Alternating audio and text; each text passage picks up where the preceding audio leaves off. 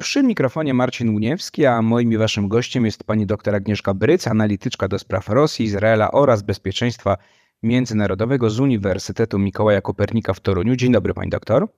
Dzień dobry. 11 i 12 lipca w Wilnie odbędzie się szczyt NATO. Wokół niego pojawiło się już mnóstwo spekulacji, czy to wówczas Ukraina może zostanie oficjalnie zaproszona do sojuszu. Wprost o takich oczekiwaniach mówiło wielu ukraińskich polityków, no na czele z prezydentem Zełańskim. Sekretarz generalny NATO Jens Stoltenberg w połowie czerwca no, mówił, że drzwi dla Kijowa są otwarte. To pewne spekulacje znów zaczęło rodzić, czy może jednak ten lipiec to będzie to oficjalne zaproszenie, no ale przedwczoraj Stoltenberg powiedział jednak dość jasno, że zaproszenia dla Ukrainy w Wilnie nie będzie. Co nie znaczy, prawda, dodał, że, że NATO nie chce przyjąć Ukrainy, no ale nie teraz. To wytłumaczmy, panie doktor, słuchaczom mm, dokładnie, no dlaczego z kilku przyczyn, no główną jest pewnie wojna, mm, Kijów na razie nie może e, przystąpić do NATO, nie mogą się rozpocząć te rozmowy akcesyjne, chociaż no, Ukraińcy bardzo na to nalegają. Tak. E, pierwszą, jakby najważniejszą kwestią i takim tłem, który nam pozwoli wytłumaczyć i zrozumieć, dlaczego najprawdopodobniej Kijów nie dostanie e, zaproszenia do członkostwa akurat w Wilnie, jest to, że mm, my mamy takie nie tyle oczekiwania, co mm, takie zawyżone wyobrażenia względem tego, co nastąpi w Wilnie. Czyli y, oczekujemy, zresztą mm, podbija to także dyplomacja ukraińska, która y, od dłuższego czasu spodziewała się albo sugerowała, że się spodziewa właśnie takiego zaproszenia do NATO. Tymczasem ten brak zaproszenia, i to też jest bardzo ważne, nie oznacza, że Ukraina nie wstąpi do NATO, y, bo to zaproszenie, i tutaj już tak szybciutko mm, y, wyjaśniam, ono może nastąpić i to jest bardziej prawdopodobne niż w Wilnie. Y, na szczycie kolejnym za rok, czyli w 2024 roku w Waszyngtonie. Znaczy, ja osobiście spodziewam się zaproszenia nie w Wilnie, ale przy okazji takiego mm, rocznicowego szczytu w Waszyngtonie, to ten timing ma znaczenie, ponieważ po pierwsze, jesteśmy dzisiaj Ukraina i Zachód w trakcie kontrofensywy. E, wojna trwa już faktycznie ponad rok, ale nie widać jej końca, więc to nie jest ten moment, pomimo oczywiście sprzyjania i, i takiej sympatii w stosunku do Ukrainy, ale to nie jest ten moment, w którym istnieje konsensus wewnątrz NATO, czyli nie ma jednomyślności względem tego, że Ukrainę należy y, przyjąć jak najszybciej, czyli tu i teraz i natychmiast już w Wilnie wystosować oficjalne zaproszenie.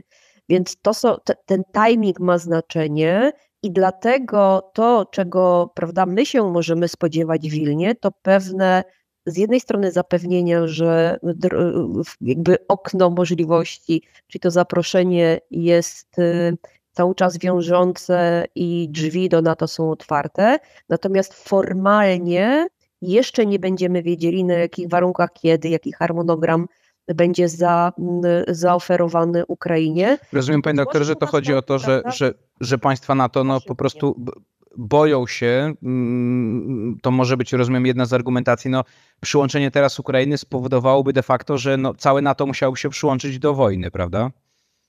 To są, tak, to są oczywiście dyskusje i rozważania pomiędzy państwami członkowskimi i ten kontekst ma znaczenie. Znaczy nie, jakby nie można się oszukiwać tym, że to byłby i tak wyjątkowy precedens, kiedy, mm, kiedy NATO przyjęłoby państwo, mm, które znajduje się w stanie wojny. Tak? Znaczy mhm. to jest to jest jakby zbyt duże obciążenie polityczno-mentalne, aby wszystkie państwa jednogłośnie się y, na to zgodziły. No tak, ważna jest jednogłośność, prawda, też przy podejmowaniu tej tak decyzji. Tak jest.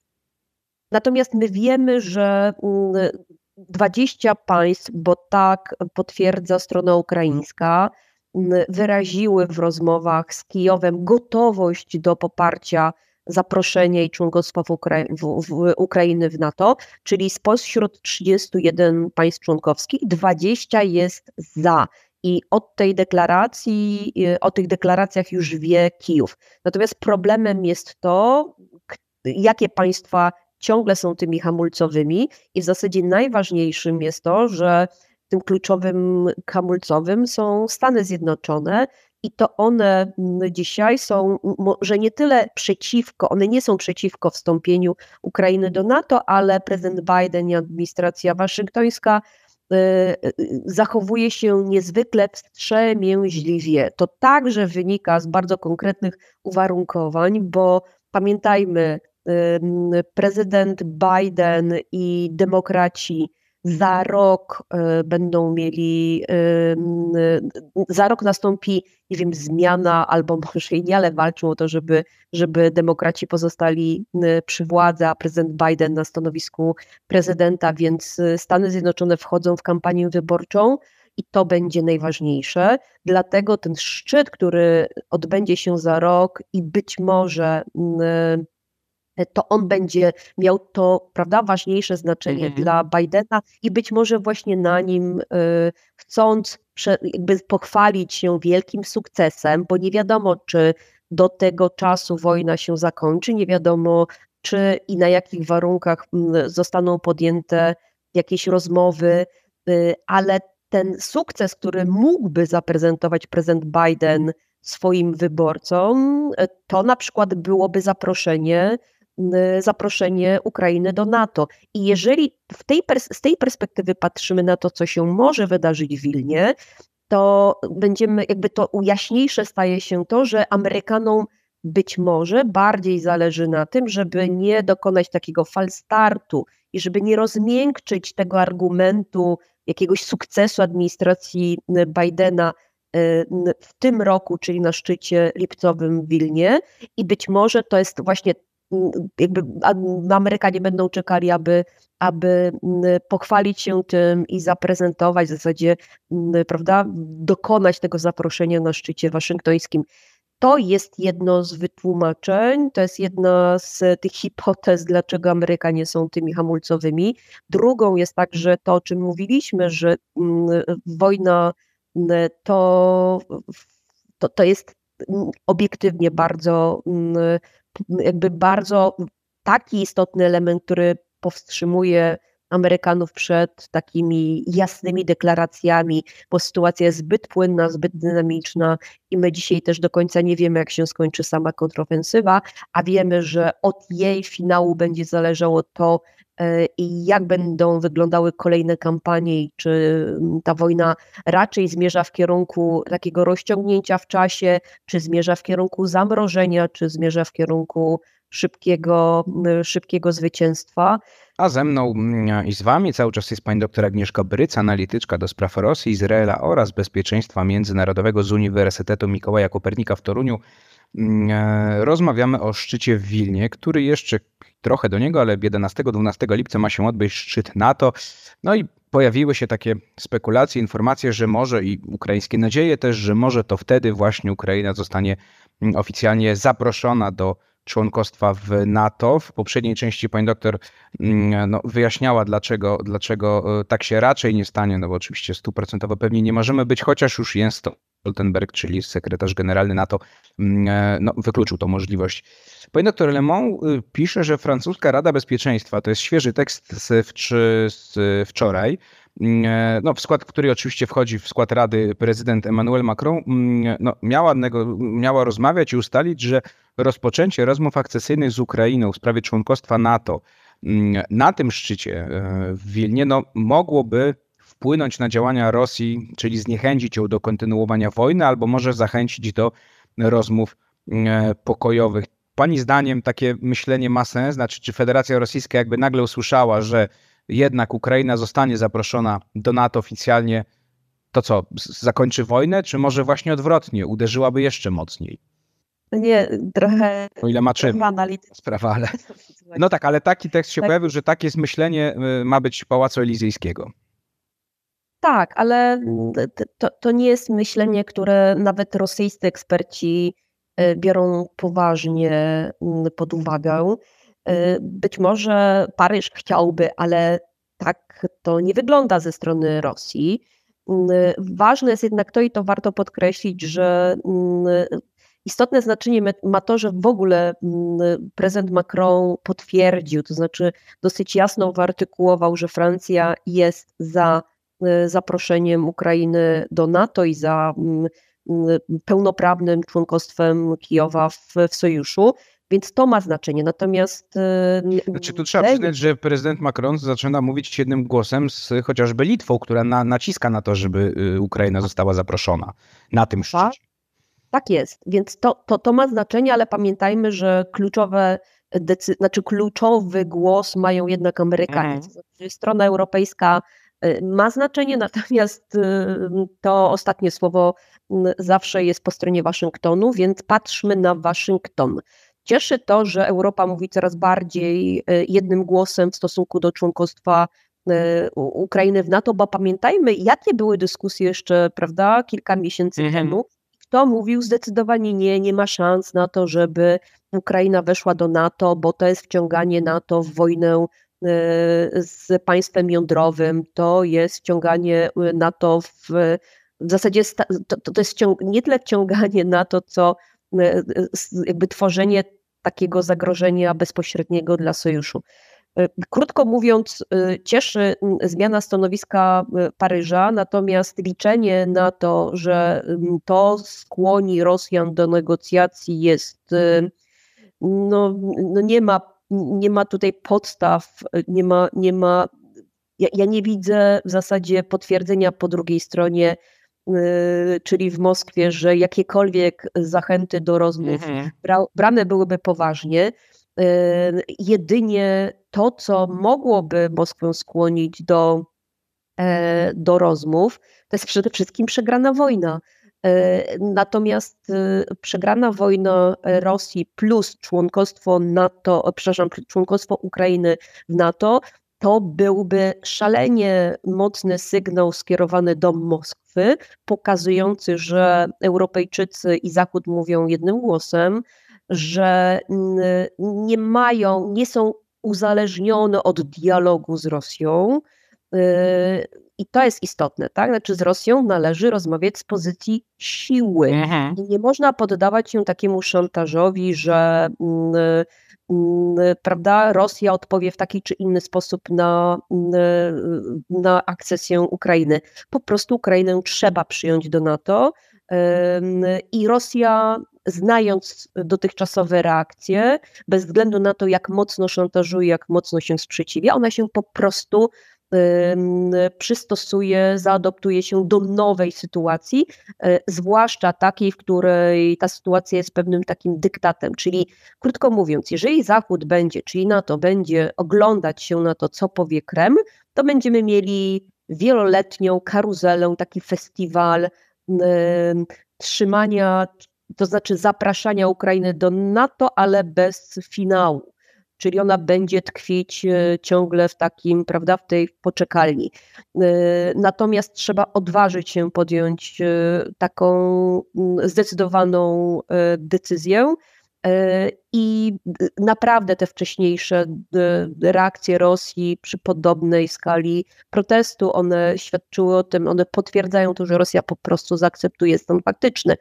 E, I tego nie możemy się obawiać. Znaczy, przyjęcie Ukrainy do NATO jest zbyt ważne nie z perspektywy Rosji, to znaczy nie z perspektywy relacji NATO czy Zachodu z Rosją, ale z perspektywy bezpieczeństwa świata zachodniego bo po pierwsze Ukraina jest tym państwem, które dzisiaj posiada najbardziej ostrzelaną armię w Europie, która posiada, która jest zdeterminowana powstrzymywać zagrożenie rosyjskie, a jednocześnie, prawda, to jest taka siła mocno atawistyczna, która by po przyłączeniu do NATO chyba bardzo odświeżyła potencjał natowski i prawda, przywróciła taką moc sprawczą kształtowania bezpieczeństwa międzynarodowego, czy w ogóle zapewnienia bezpieczeństwa państwom e, e, Sojuszu Północnoatlantyckiego poprzez skuteczne odstraszanie Rosji.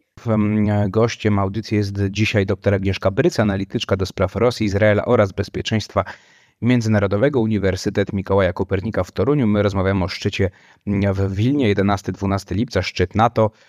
No, były takie głosy, że może Ukraina zostanie zaproszona. Mówił o tym głośno prezydent Zełenski, że NATO liczy do sojuszu. No, najpewniej tak się nie stanie z przyczyn, które tu z panią doktor już poruszyliśmy, co nie znaczy jednocześnie, że Ukraina, że drzwi dla, dla Ukrainy do NATO są zamknięte, bo wprost o tym mówią politycy, chociażby sekretarz Jens Stoltenberg, sekretarz NATO, że te drzwi są otwarte, tylko jeszcze nie, nie teraz. Jednocześnie pani doktor Stoltenberg podkreśla, że przywódcy sojuszu na tym szczycie będą dyskutować, w jaki sposób można zbliżyć Ukrainę do Paktu Północnoatlantyckiego, no jednocześnie jeszcze jej nie proponując członkostwa. Mówi się o jakimś rodzaju rady, na przykład Rada Kijów NATO.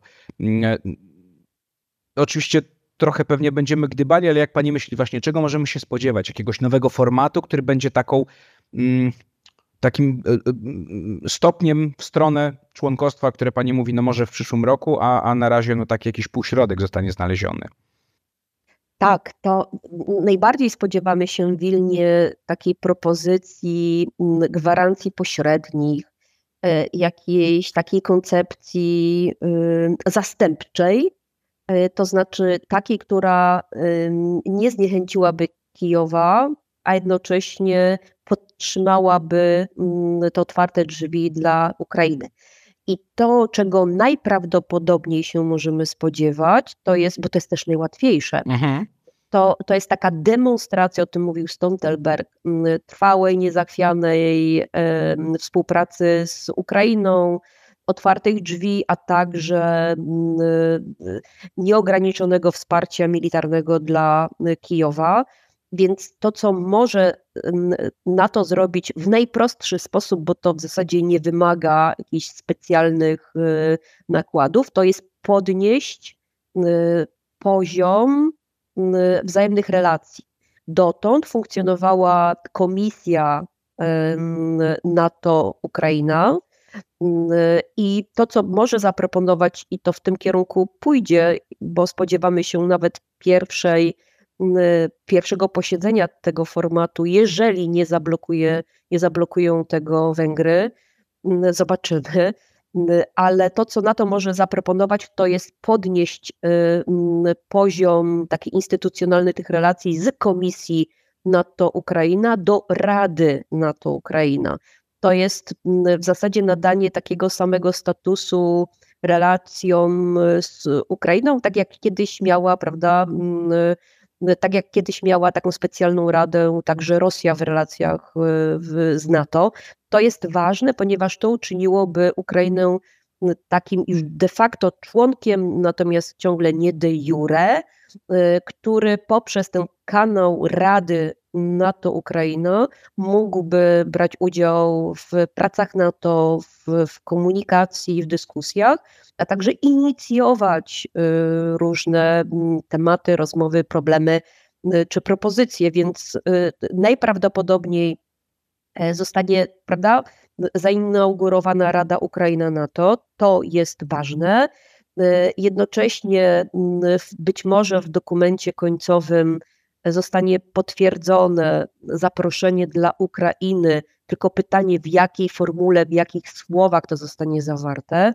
I to, czego się spodziewamy, to takiego sformułowania albo podobnego do tego sformułowania, że y, zaproszenie do, y, dla Ukrainy zostanie wystosowane y, tak szybko, albo w zasadzie natychmiast po zakończeniu. I teraz pytanie, czy to mhm. będzie sformułowanie działań wojennych, czy może rozpoczęcia rozmów pokojowych. Oczywiście w wersji pierwszej jest to lepsze rozwiązanie dla Ukrainy. Jeżeli NATO się zdecyduje na jakąś, jakąś taką sugestię, że wiążące będą rozmowy pokojowe albo jakieś trwałe rozwiązanie, no to, to, to, to powinno już nas niepokoić.